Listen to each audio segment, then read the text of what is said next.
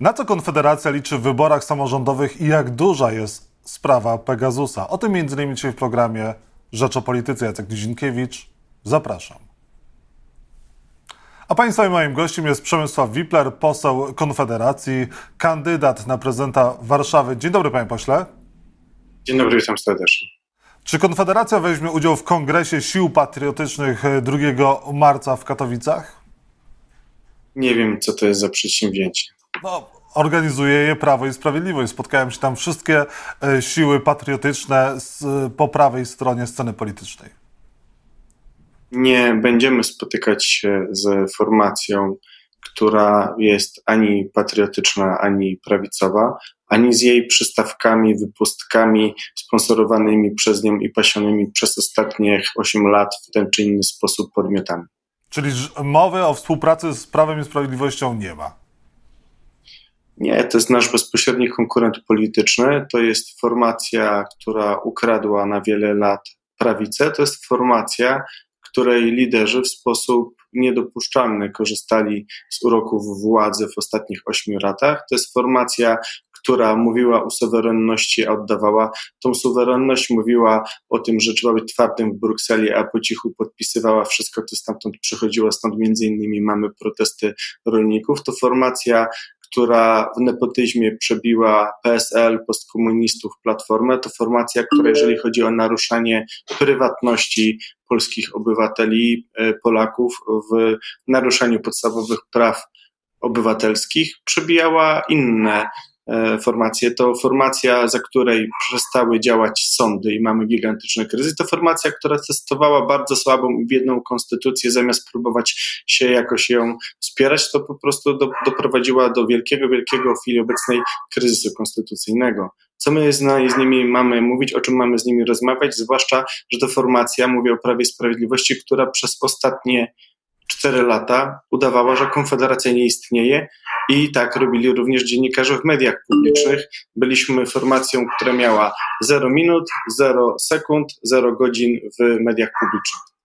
Słychać, że pan z Jarosławem Kaczyńskim nie ma po drodze, bo jednak nie kot się odzywa, ale pies w tle.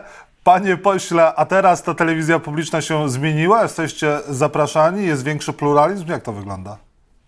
Zdecydowanie e, można powiedzieć, nie mówię o warstwie merytorycznej i o tym, co się dzieje w wiadomościach, bo jestem w tej grupie Polaków, która w ogóle nie ogląda wiadomości od bardzo, bardzo wielu lat, zgodnie, zgodnie z hasłem Marka Twaina, że jak e, nie oglądasz mediów, to jesteś niepoinformowany, a jak oglądasz, jesteś zdezinformowany. Ja tak podchodzę dosyć zbiorczo do mediów. Ja jednak komunikuję się przez media społecznościowe i przez kontakt osobisty. Ja wolę wiedzieć, jak kiełbasa naprawdę się robi, a nie jest o tym legenda i historia opowiadana, bo te najważniejsze fragmenty i tak trafią do mediów e, społecznościowych. Poza tym wolę słowo pisane, koniec końców, e, bo jest ono mniej lekkie niż mówione i pokazywane w telewizji, ale jako Konfederacja jesteśmy programach publicystycznych, jesteśmy tam zapraszani. W wydarzeniach tych o 19.30 również są relacjonowane nasze postulaty, działania, wypowiedzi medialne. Po prostu nagle się okazało, że my jednak istniejemy, e, co jest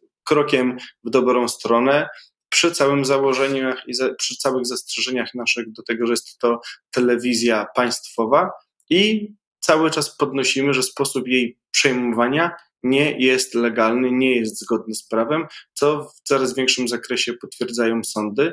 I widzimy, że obecnie rządząca ekipa chciała pokazać swoją sprawczość, chciała pokazać swoją siłę, chciała pokazać swoim wyborcom, że jest twarda, ale niestety z naruszeniem obowiązującego prawa. Panie pośle, dlaczego pan kandyduje na prezydenta Warszawy? Co pan chciałby zmienić?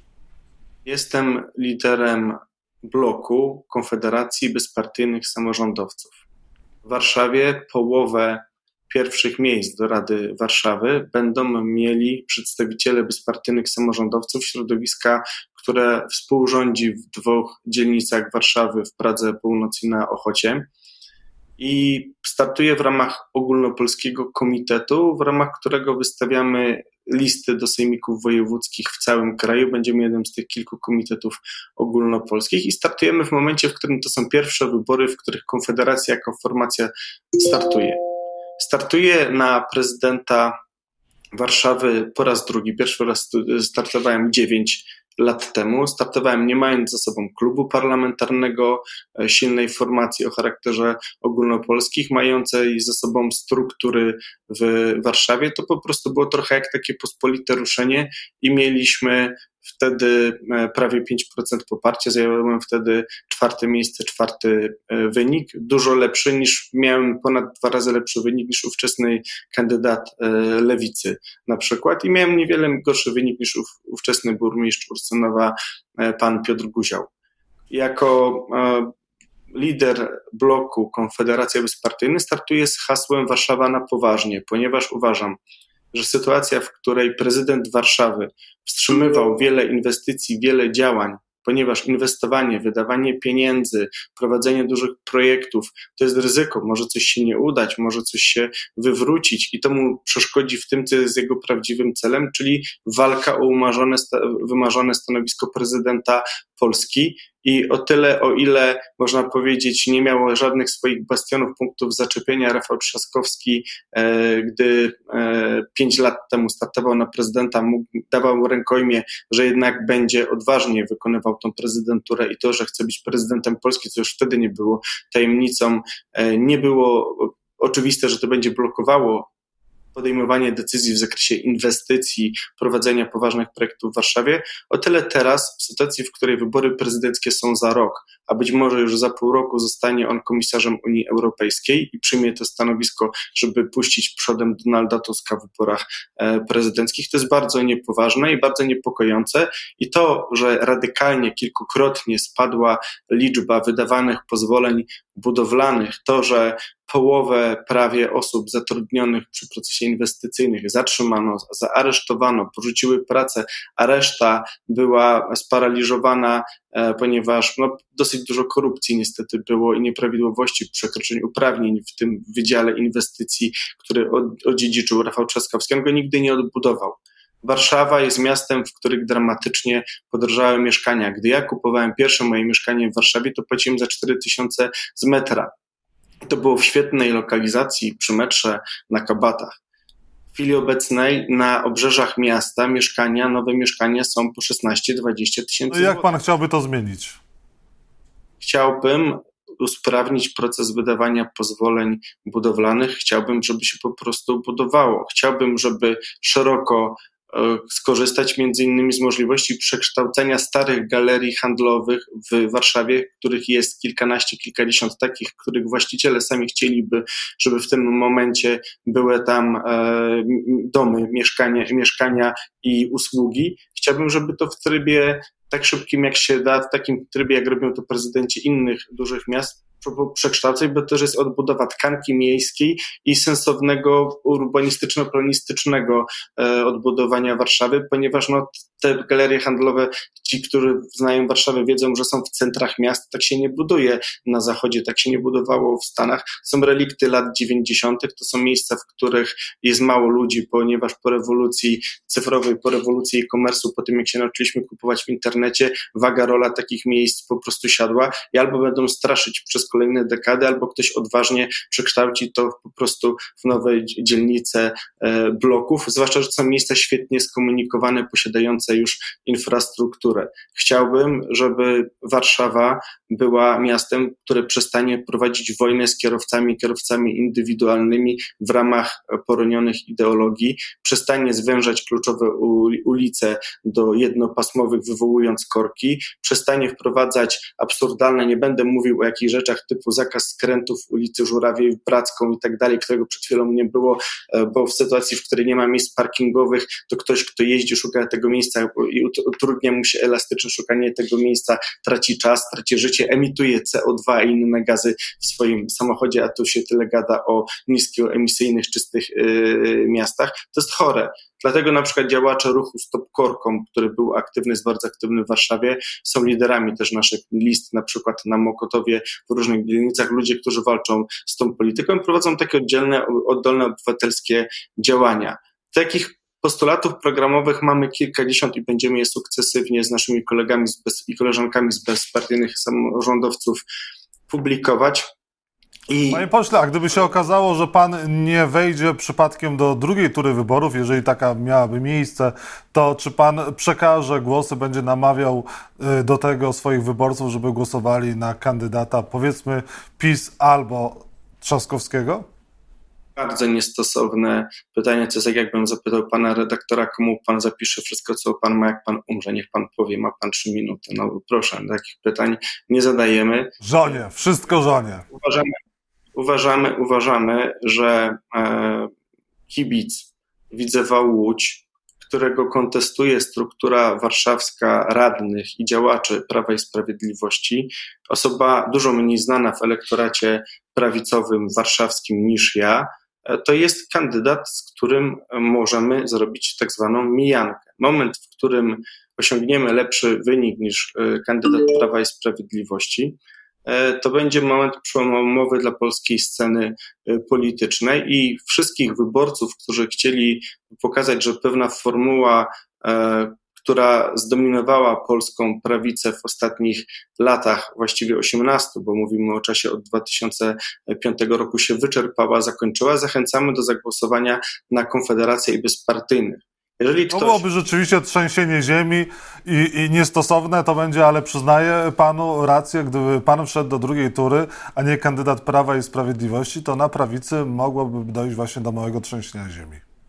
Zwłaszcza, że wybory do samorządu warszawskiego i do samorządu w Polsce są dwa miesiące przed wyborami do Parlamentu Europejskiego, które prestiżowo i politycznie będą bardzo, bardzo ważne. Bo... Nie pytam w takim razie, czy pan będzie kandydował w wyborach na prezydenta, y, w wyborach europejskich, bo jak zapytam przed wyborami samorządowymi, to pan mi pewnie odpowie to tak, jak pan by mnie zapytał, y, które dziecko bardziej kocham.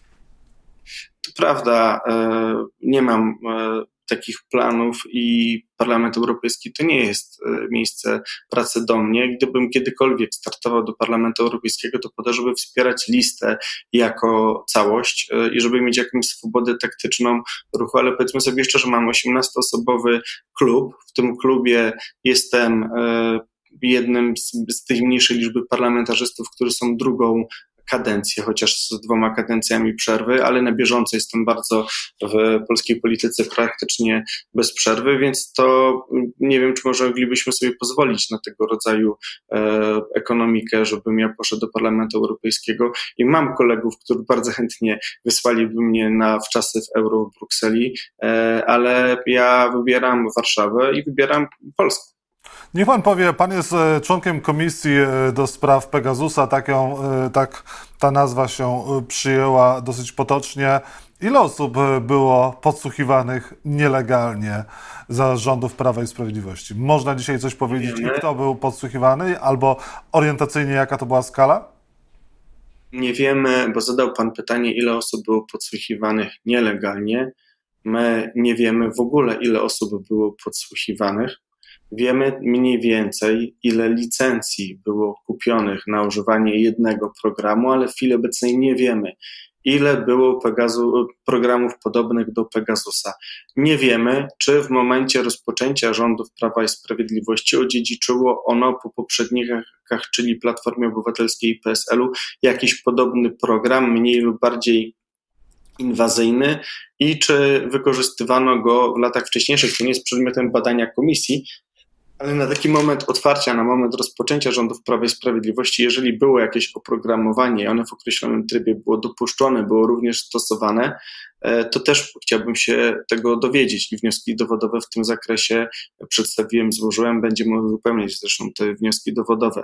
Nie wiemy też, ile osób słuchano innymi metodami, bo komisja ma się zajmować w ogóle nielegalną inwigilacją, niecelową inwigilacją i nieprawidłową inwigilacją. Nielegalna to jest niezgodna z prawem, nieprawidłowa to jest zgodna z prawem, czyli była na nią zgoda, ale w sposób faktyczny, e, pomimo zgody, stosowano danych urządzeń czy metod operacyjnych niezgodnie z prawem. Na przykład sąd nie wydaje zgody funkcjonariuszowi, czy właściwie wydaje zgodę funkcjonariuszom i prokuraturze na słuchanie kogoś od dnia X ale jeżeli ktoś hakuje mu telefon i zaczyna czytać jego starsze wiadomości, starsze miejsc, zdjęcia, e, przeglądać starsze e, informacje na mailu, to znaczy, że wchodzi w czan przeszły, który, do którego zgody sądu jeszcze nie było, której Zresztą też sąd nie wiedział, jakimi metodami ktoś będzie podsłuchiwany i w jaki sposób. Krótko mówiąc, sąd mówi: Dobra, e, macie, możecie używać noża, ale nie, nie wie, co z tym nożem do końca chcą zrobić ci, którzy będą go używać. To jest taka przenośnia jest adekwatna, więc my będziemy weryfikować bardzo wiele szczegółów. Będziemy weryfikować w oparciu o jakie przesłanki i dane, bo sądy mogą być różnymi trikami w sposób sprytny wprowadzany w błąd, obchodzony. Jak ktoś mówi, ha, ha, ha, sąd wyraził zgodę, a to jest guzik prawda, bo jeżeli sąd dostał dokumenty y, nieprawidłowe, na przykład komuś sztucznie stawiano zarzut o bycie w zorganizowanej grupie przestępczej, to jest bardzo ważna sprawa, więc musimy słuchać, bo jest grupa. Taki patent pod tytułem robimy zarzut o grup, to sąd nam się wtedy na pewno zgodzi i na podsłuchy, i na areszt. To jest taka, można powiedzieć, abecadło prokuratury i abecadło jednocześnie czynności obrończych, tak? No bo adwokaci i obrońcy wiedzą, że takie rzeczy się dzieją. A podsłuchiwano nie tylko polityków, podsłuchiwano przedsiębiorców, podsłuchiwano najbogatszych Polaków, samorządowców, obywateli, adwokatów, radców, lekarzy i tak dalej. To naprawdę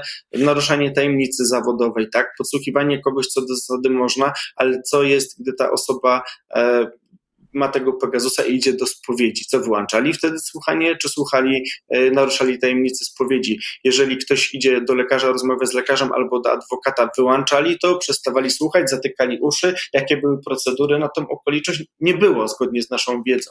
Panie pośle, Musimy, musimy kończyć, a mam do Pana jeszcze jedno pytanie, e, które internauta zadał, a wydaje mi się ono ważne. Pan Przemysław pyta, jaki jest stosunek e, Pana posła do protestów rolników, czy zamierza włączyć się w planowaną blokadę Warszawy? Proszę krótko, bo musimy kończyć. Rolnicy mają rację i mam nadzieję, że uda nam się wesprzeć politycznie e, ten proces w sposób efektywny. Udało nam się dzisiaj doprowadzić do tego, że w Sejmie będzie debata na temat protestów rolniczych. Szymon Hołownia i prezydent Sejmu przyjęło wniosek Konfederacji. Chcemy politycznie, efektywnie załatwiać ten protest i olbrzymia liczba Polaków, 70% Polaków popiera te protesty, również bardzo wielu warszawiaków, chociaż wiemy, że one mogą być uciążliwe. Przemysław Wipler, kandydat na prezydenta Warszawy, Konfederacja, był Państwa i moim gościem. Bardzo dziękuję za rozmowę. Dziękuję bardzo.